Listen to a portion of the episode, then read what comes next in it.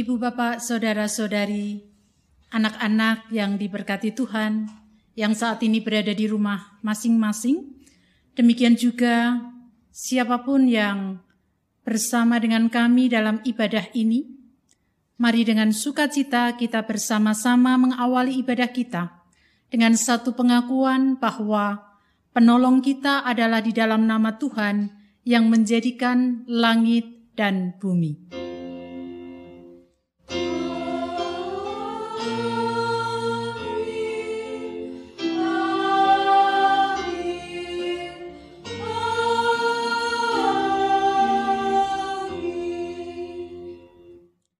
Kasih karunia dan damai sejahtera dari Allah Bapa dan dari Tuhan Yesus Kristus menyertai saudara sekalian. Dan menyertai saudara juga.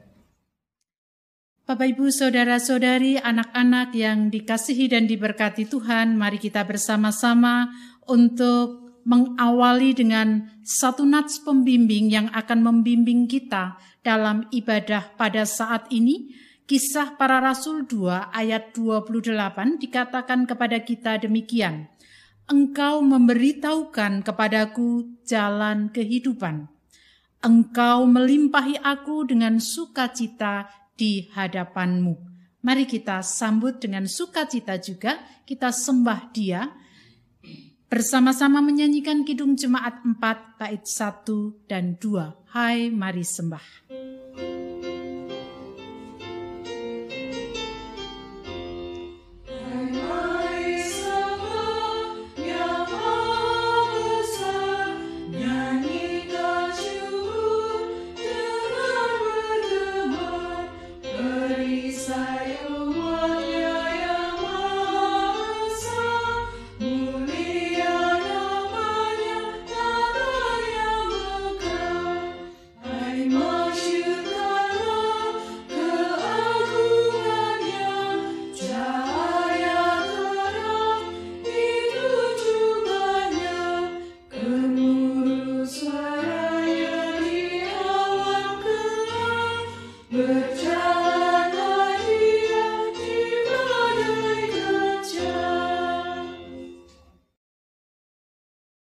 Mari Bapak Ibu Saudara-saudari kita bersama-sama untuk datang kepada Tuhan, mengakui segala dosa dan kekurangan kita di hadapannya. Kita berdoa.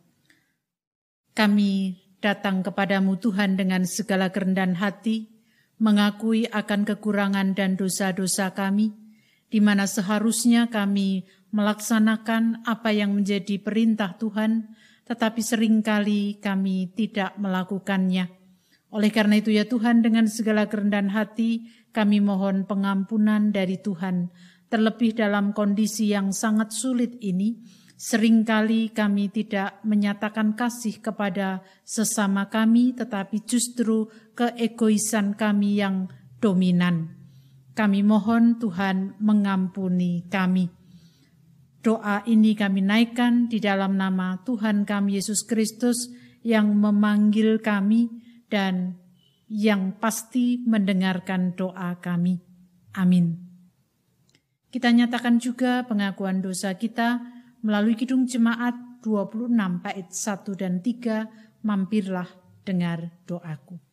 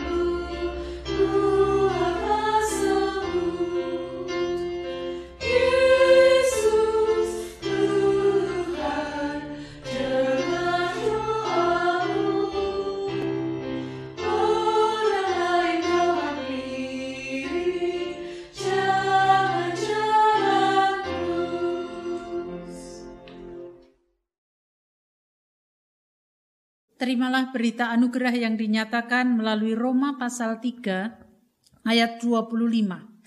Kristus Yesus telah ditentukan Allah menjadi jalan pendamaian karena iman dalam darahnya. Hal ini dibuatnya untuk menunjukkan keadilannya karena ia telah membiarkan dosa-dosa yang telah terjadi dahulu pada masa kesabarannya. Demikianlah berita anugerah dari Tuhan. Syukur kepada Allah. Mari kita sambut dengan pujian dari Kidung Jemaat 38 bait 1 dan 5 telah kutemukan dasar kuat.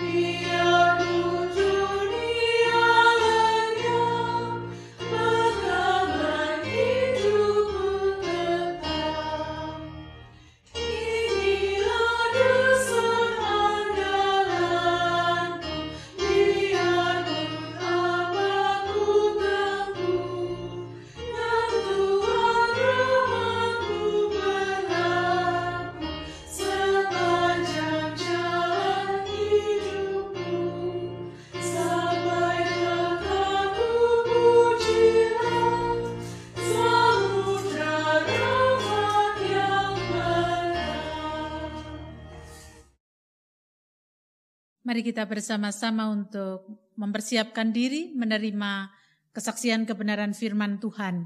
Kita berdoa. Inilah hati dan pikiran kami serta tubuh kami ya Tuhan. Kiranya kuasa Roh Kudus menguasai setiap kami dan juga setiap ruangan di mana kami ada bersama dengan keluarga kami masing-masing sehingga melalui kuasa Roh Kudus tersebut kami dapat mendengarkan, merenungkan, bahkan melaksanakan dalam kehidupan sehari-hari apa yang Tuhan nyatakan kepada kami. Di dalam nama Tuhan Yesus Kristus kami berdoa. Amin. Bacaan pertama diambil dari kisah para rasul 7 ayat 55 sampai 60.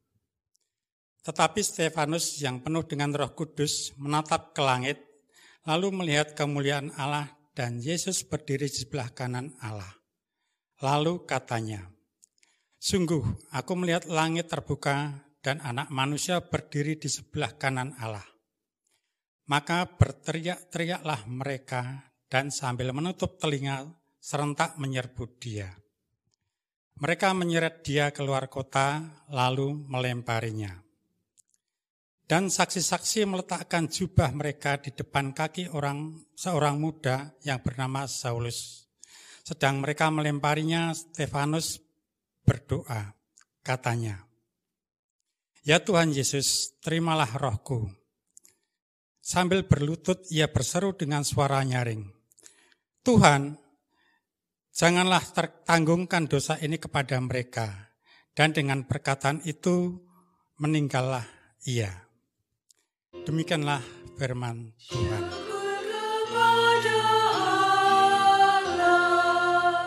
Mazmur tanggapan diambil dari Mazmur 31 ayat yang 1 sampai dengan 5, dilanjutkan dengan Mazmur 31 ayat 15 sampai 16. Aman dalam tangan Tuhan.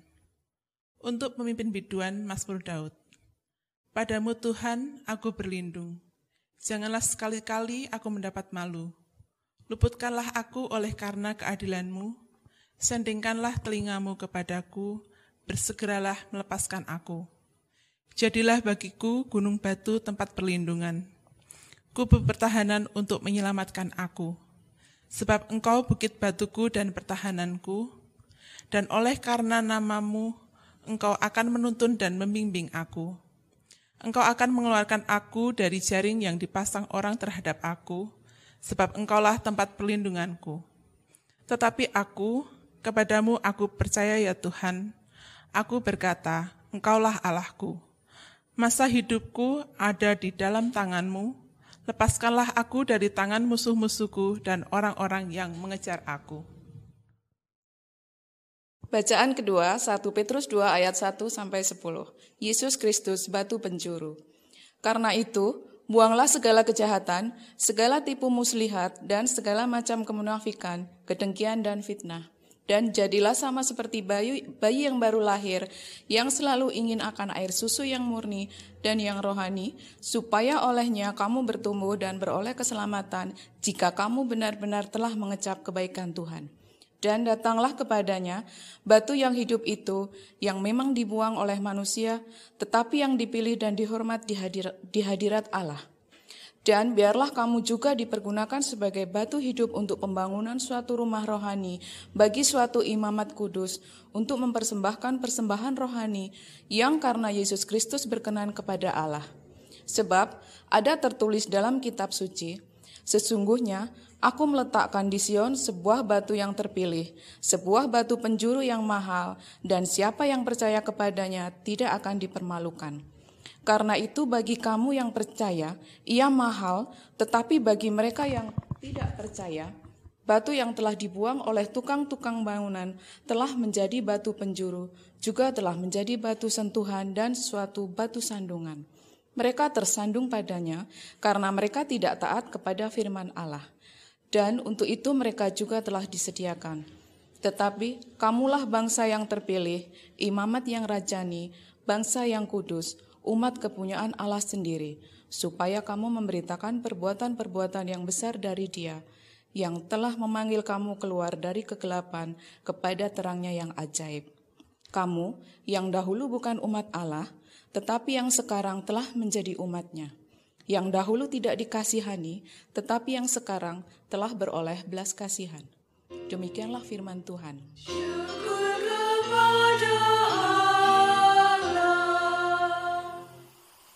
Bacaan Injil pada hari ini terambil dari Injil Yohanes pasal 14 ayat 1 sampai dengan 14 dengan perikop yang berjudul Rumah Bapa. Jangan gelisah hatimu, percayalah kepada Allah percayalah juga kepadaku. Di rumah Bapakku banyak tempat tinggal. Jika tidak demikian, tentu aku mengatakannya kepadamu. Sebab aku pergi ke situ untuk menyediakan tempat bagimu. Dan apabila aku telah pergi ke situ dan telah menyediakan tempat bagimu, aku akan datang kembali dan membawa kamu ke tempatku supaya di mana supaya di tempat di mana aku berada, kamu pun berada. Dan ke mana aku pergi, kamu tahu jalan ke situ.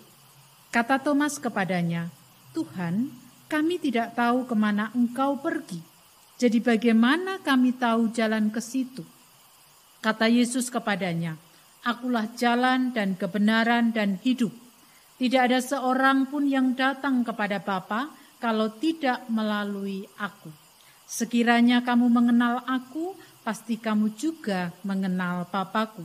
Sekarang ini kamu mengenal dia dan kamu telah melihat dia. Kata Filipus kepadanya, Tuhan, tunjukkanlah Bapa itu kepada kami, itu sudah cukup bagi kami. Kata Yesus kepadanya, telah sekian lama aku bersama-sama kamu Filipus, namun engkau tidak mengenal aku? Barang siapa telah melihat aku, ia telah melihat Bapa.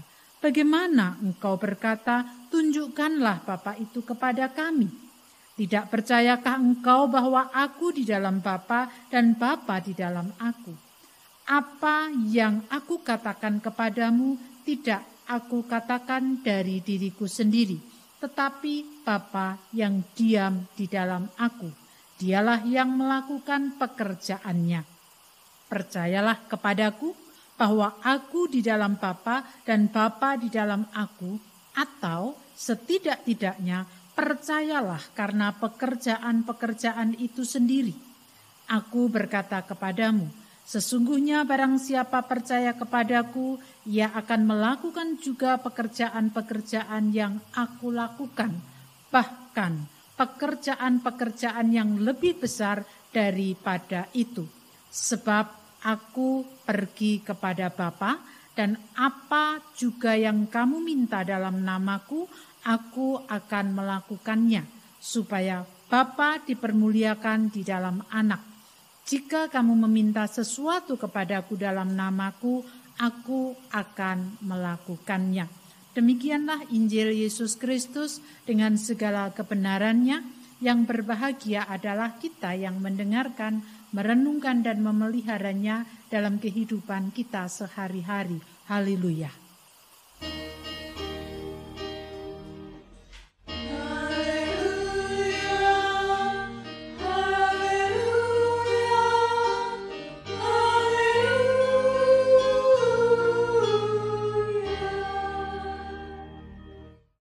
Selamat pagi Bapak Ibu Saudara Saudari warga Jemaat Philadelphia dan juga siapa pun yang mengikuti ibadah pada pagi hari ini bersama dengan Jemaat Philadelphia.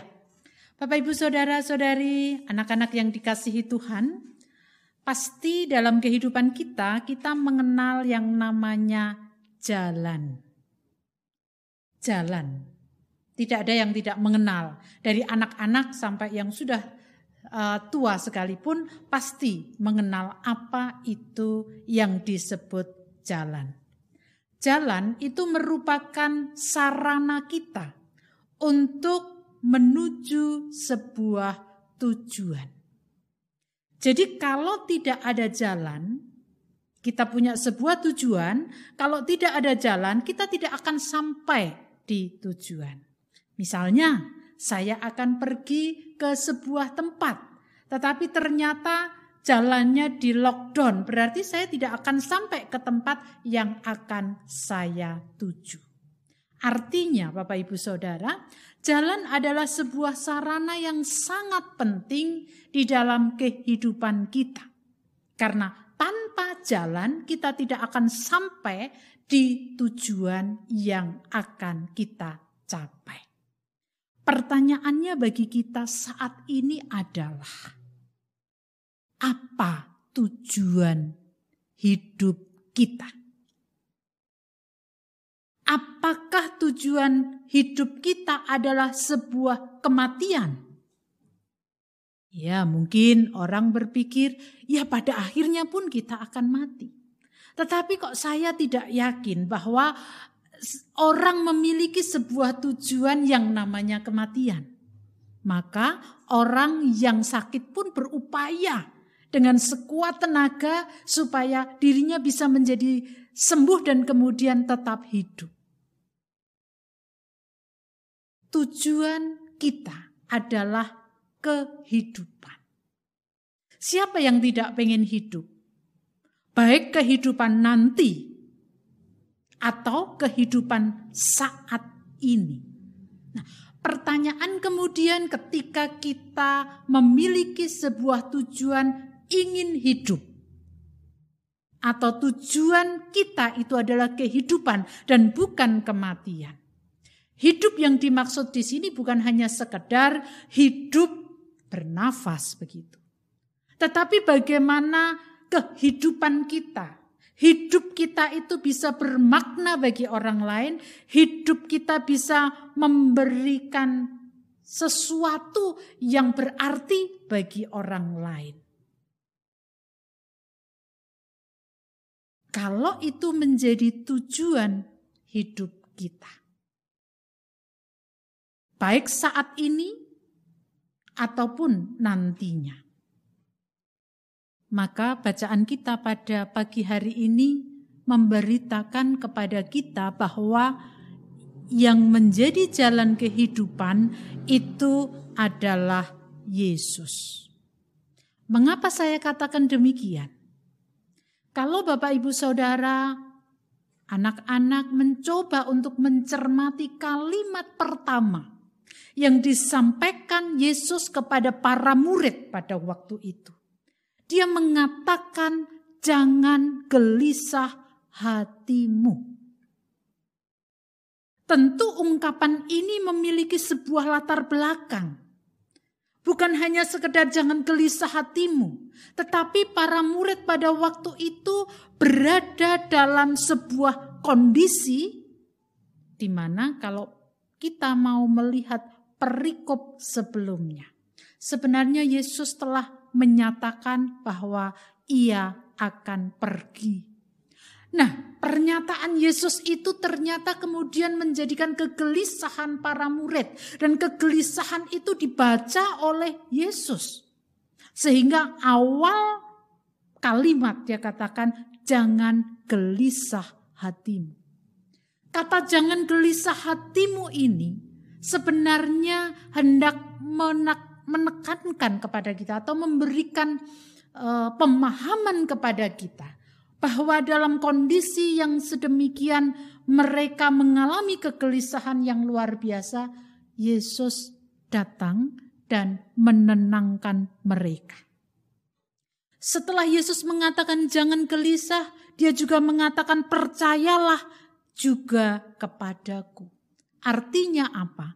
Artinya selain Yesus mencoba untuk menenangkan para murid yang berada di dalam kegelisahan, Yesus juga meneguhkan iman percaya mereka. Bukan karena mereka tidak percaya, tetapi percaya atau iman yang ada di dalam diri para murid diteguhkan kembali ingat apa yang sudah engkau percaya, tetaplah percaya. Walaupun nantinya secara fisik Yesus tidak akan lagi bersama-sama dengan mereka, tetapi Yesus akan selalu hadir dalam kehidupan mereka.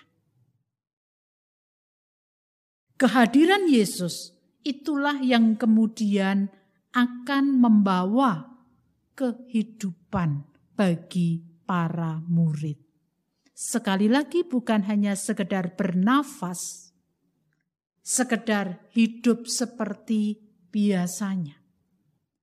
Tetapi kehidupan yang dimaksud di sini adalah melalui sebuah pengalaman demi pengalaman di dalam proses pembelajaran para murid, sehingga mereka mestinya lebih memahami lagi. Walaupun berkali-kali Yesus mengajarkan kepada para murid, mengingatkan kepada para murid, memberitahu kepada para murid, tapi toh ternyata tidak menjadikan para murid secara otomatis langsung mengerti apa yang dimaksud Yesus. Maka di dalam ayat-ayat selanjutnya, ketika Thomas bertanya, "Tuhan, kami tidak tahu ke mana Engkau pergi, jadi bagaimanakah kami tahu jalan ke situ?" Dan ketika itu Filipus juga mengatakan, "Tuhan, tunjukkanlah Bapa itu kepada kami, itu sudah cukup bagi kami." Bukan karena Tuhan Yesus tidak pernah mengajar kepada mereka pada para murid tentang siapa dirinya, tentang apa yang akan terjadi atas dirinya, tetapi para murid perlu untuk melalui penga, para murid perlu melalui sebuah proses pembelajaran dalam pengalaman hidup yang harus mereka lewati. Supaya apa? Supaya para murid semakin dapat merasakan dan semakin dapat melihat. Meski Yesus tidak lagi secara fisik bersama dengan mereka, tetapi rohnya selalu hadir. Dalam kondisi sesulit apa pun, dalam kondisi yang sangat mengecewakan, dalam kondisi yang seberat apa pun harus dialaminya. Dengan demikian, kalau tadi di awal saya katakan bahwa Yesus adalah jalan kehidupan.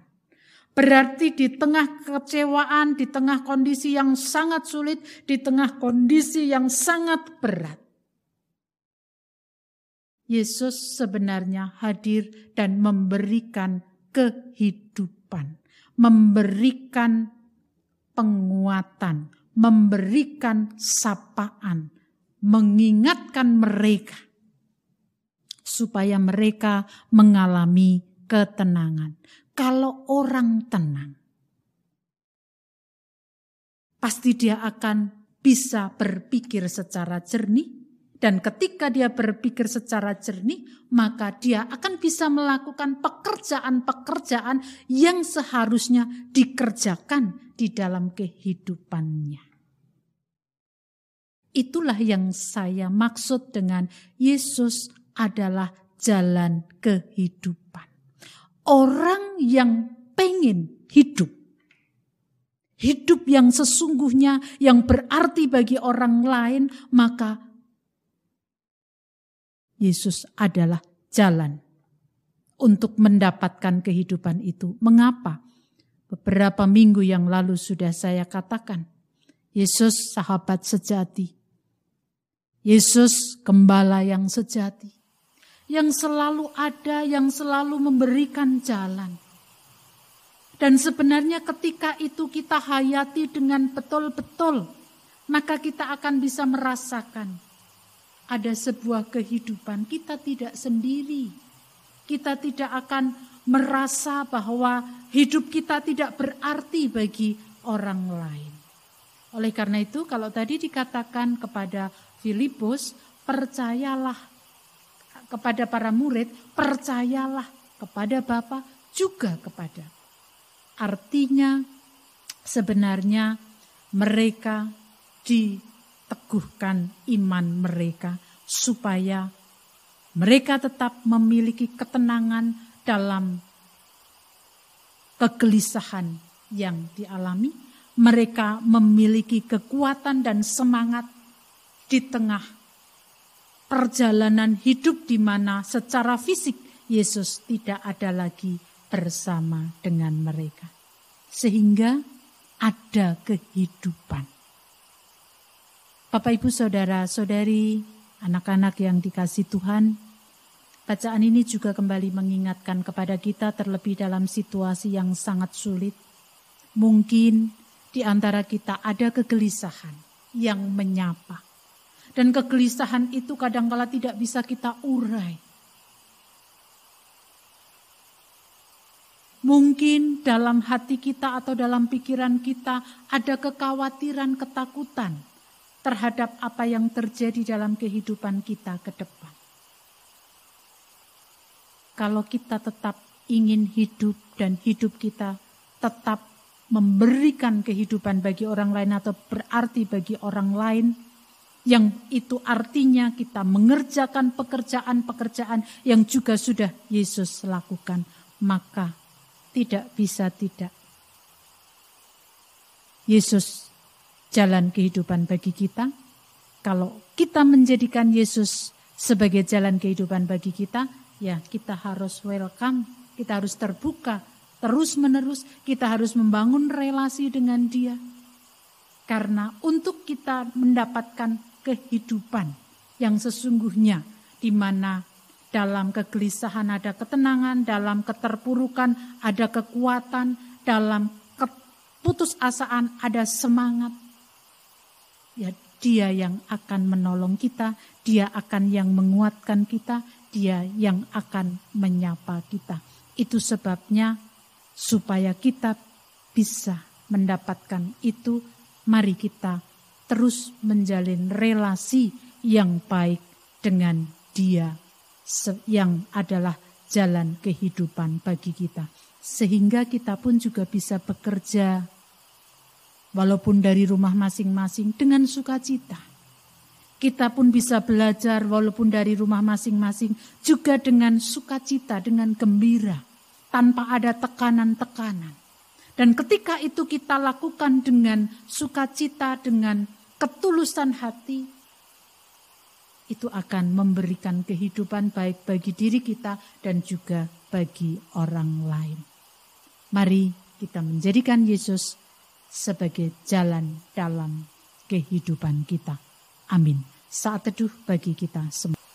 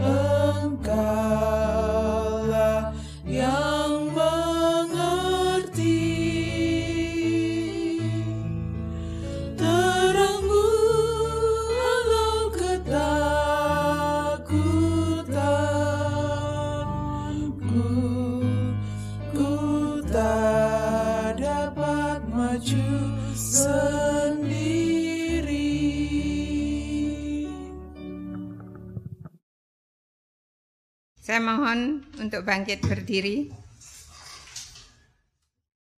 Dengan meletakkan tangan kanan di dada sebelah kiri, marilah kita mengikrarkan pengakuan iman kita bersama dengan umat Allah pada masa lalu, masa kini, dan masa depan menurut pengakuan iman rasuli. Aku percaya kepada Allah, Bapa yang Maha Kuasa, Halik langit dan bumi, dan kepada Yesus Kristus, anaknya yang tunggal Tuhan kita, yang dikandung dari Roh Kudus, lahir dari anak darah Maria, yang menderita di bawah pemerintahan Pontius Pilatus, disalibkan, mati, dan dikuburkan, turun ke dalam kerajaan maut, pada hari yang ketiga bangkit pula dari antara orang mati, naik ke surga, duduk sebelah kanan Allah Bapa yang Maha Kuasa, dan akan datang dari sana untuk menghakimi orang yang hidup dan yang mati. Aku percaya kepada Roh Kudus, gereja yang kudus dan am, persekutuan orang kudus, pengampunan dosa, kebangkitan daging, dan hidup yang kekal. Mari kita bersatu dalam doa. Allah pencipta dan pemelihara hidup kami, yang senantiasa memberkati dan mengasihi kami. Kami mengucap syukur pada pagi hari ini Tuhan berkenan untuk memanggil kami dari rumah kami masing-masing dalam persekutuan kami melalui ibadah yang berlangsung. Kami yakin dan percaya Tuhan menyapa dan menguatkan kami sehingga kami tidak akan pernah mengalami keputusasaan dalam situasi yang sangat sulit sekalipun. Terima kasih ya Tuhan untuk sapaanmu ketika pada saat ini engkau, engkau mengingatkan kepada kami supaya kami mendapatkan kehidupan, maka kami harus menjadikan engkau sebagai jalan menuju kehidupan tersebut. Oleh karena itu, Tuhan juga memanggil kami supaya kami terus membangun relasi yang baik dengan Engkau, sehingga apa yang menjadi tujuan hidup kami, yaitu kehidupan itu sendiri, dapat kami rasakan dan kami nikmati bersama dengan Tuhan. Kami membawa pergumulan hidup kami. Di tengah kehidupan bangsa dan negara, bahkan secara global di dunia ini, yang harus menghadapi pandemi COVID-19.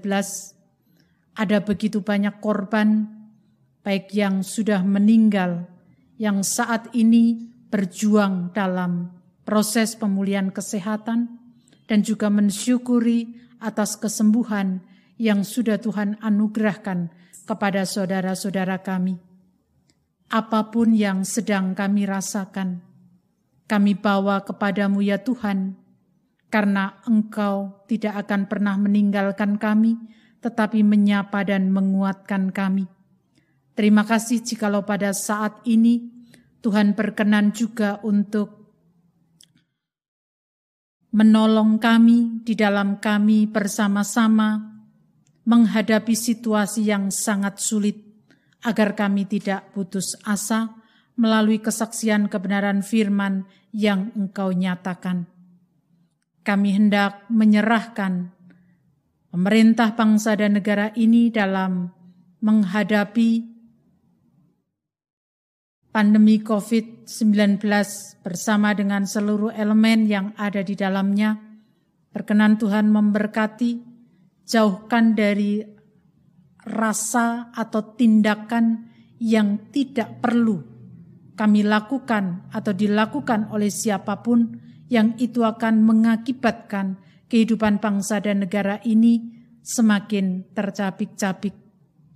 Kami berdoa untuk pemimpin bangsa dan negara kami, kuatkan dan tolonglah mereka dalam melaksanakan tugas panggilan mereka, dan kiranya Tuhan juga memampukan kami sebagai warga negara untuk mengikuti anjuran dari pemerintah sesuai dengan apa yang harus kami kerjakan. Kami berdoa untuk saudara-saudara kami yang berjuang dalam tim medis di mana pun mereka berada. Tolong dan berkati mereka supaya mereka juga dapat melakukannya dengan sebaik-baiknya dan berikan kesehatan kepada mereka. Demikian juga saudara-saudara kami lain yang juga berjuang dalam melaksanakan apa yang menjadi tanggung jawabnya demi saudara-saudara kami mendapatkan penyembuhan, Tuhan pun juga merahmati mereka dengan apa yang mereka butuhkan. Demikian juga bagi saudara-saudara kami yang mengalami kehilangan duka cita karena kehilangan bagian dari keluarga yang sudah Tuhan panggil oleh karena akibat pandemi COVID-19 Tuhan menghibur dan menguatkan mereka. Oleh karena mereka pun juga membutuhkan kekuatan dalam menjalani kehidupan yang harus dilewatinya. Siapa pun yang kena dampak oleh karena pandemi tersebut, Tuhan menyapa dan juga terus menguatkan mereka dalam upaya-upaya yang harus dikerjakannya supaya kami senantiasa bijak mengelola apa yang Tuhan anugerahkan kepada kami dan ajarkan kami untuk tidak egois tetapi juga peduli kepada sesama kami. Kami berdoa untuk keluarga besar Jemaat Philadelphia di mana pun berada, baik yang ada di Jogja maupun di luar Jogja, Tuhan terus memberkati kami sehingga kami menjadi jemaat yang senantiasa peduli akan sesama kami. Anak-anak kami yang saat ini mungkin sudah mulai bosan karena harus berdiam diri di rumah, belajar dari rumah, sehingga mereka tidak bisa bermain seperti sedia kala. Tuhan pun juga memberikan kesabaran kepada mereka supaya mereka dapat melewati hari-hari yang tidak mudah untuk dilewati ini bersama dengan orang tua dan keluarganya dengan sukacita. Saudara-saudara kami yang terus bergumul untuk pemulihan kesehatan, kami menyerahkan Bapak Mariman, Bapak Nugro Yulianto, Bapak Mugiarto Hadi, Bapak Suratijo, Bapak Widiat Mojo, Ibu Arista Kurniawati, Ibu Erma Kaban, Bapak Toyo, dan juga saudara-saudara kami lain yang saat ini terus berjuang untuk mendapatkan pemulihan kesehatan. Diberkatilah mereka semuanya supaya mereka mendapatkan kekuatan dari Tuhan. Demikian juga keluarga yang harus menopang dan juga mendukung berkati mereka dengan kesabaran, kekuatan, dan juga kebijaksanaan agar dapat melakukan tugas tanggung jawabnya dengan penuh sukacita. Kami menyerahkan keberadaan jemaat Philadelphia ke dalam tangan kuasa Tuhan. Tuhan pelihara setiap kami, Tuhan senantiasa ikatkan persekutuan kami dalam persekutuan bersama dengan Kristus sehingga meski kami tidak bisa berjumpa seperti waktu-waktu dahulu, tetapi kami boleh saling mendukung. Kami menyerahkan pekerjaan kami yang masih harus kami kerjakan, baik di rumah maupun di kantor. Kiranya Tuhan juga memberkati kami semuanya. Inilah doa harapan kami kepadamu Tuhan, kesempurnaan atas doa syafaat ini kami serahkan di dalam nama Tuhan kami Yesus Kristus yang telah mengajarkan kepada kami doa Bapa kami.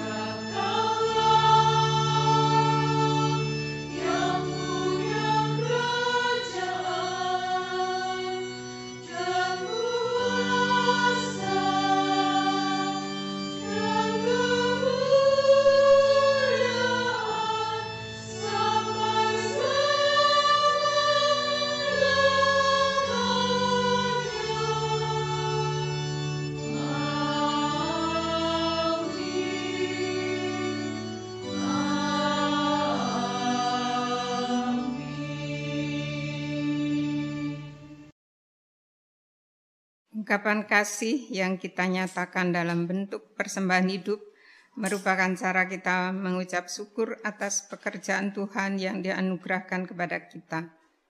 Dasar persembahan diambil dari Efesus 5 ayat 2 sebagai berikut.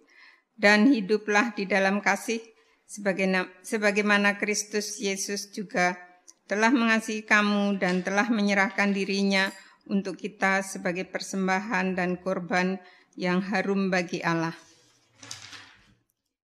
Mari kita nyanyikan PKJ 146 bait yang pertama.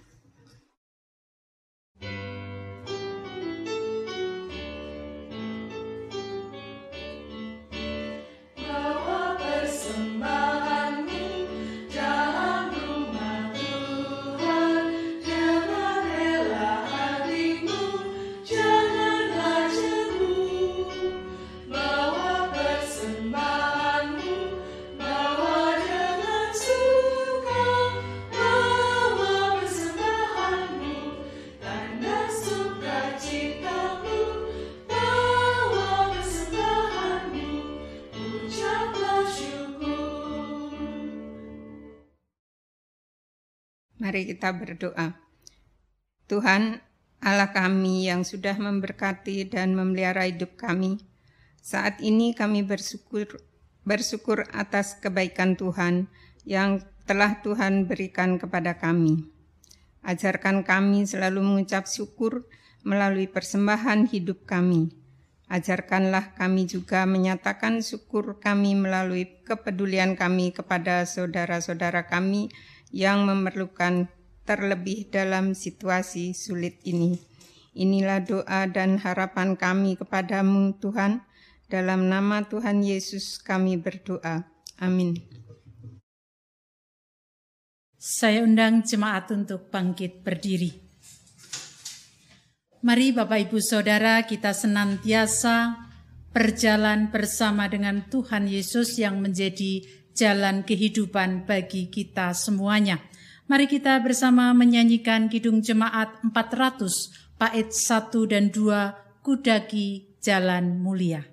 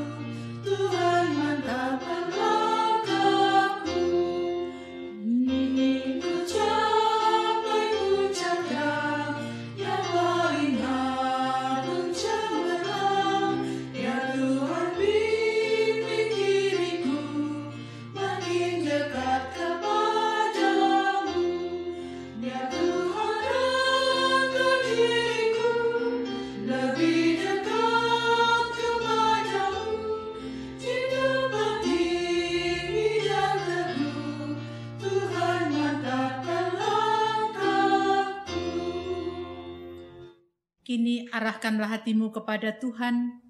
Kita akhiri ibadah kita dengan sukacita. Lanjutkan hidupmu dan teruslah berkarya bagi Tuhan. Terimalah berkatnya. Kasih karunia Tuhan Yesus Kristus dan kasih Allah Bapa serta persekutuan Roh Kudus menyertai saudara sekalian selama-lamanya.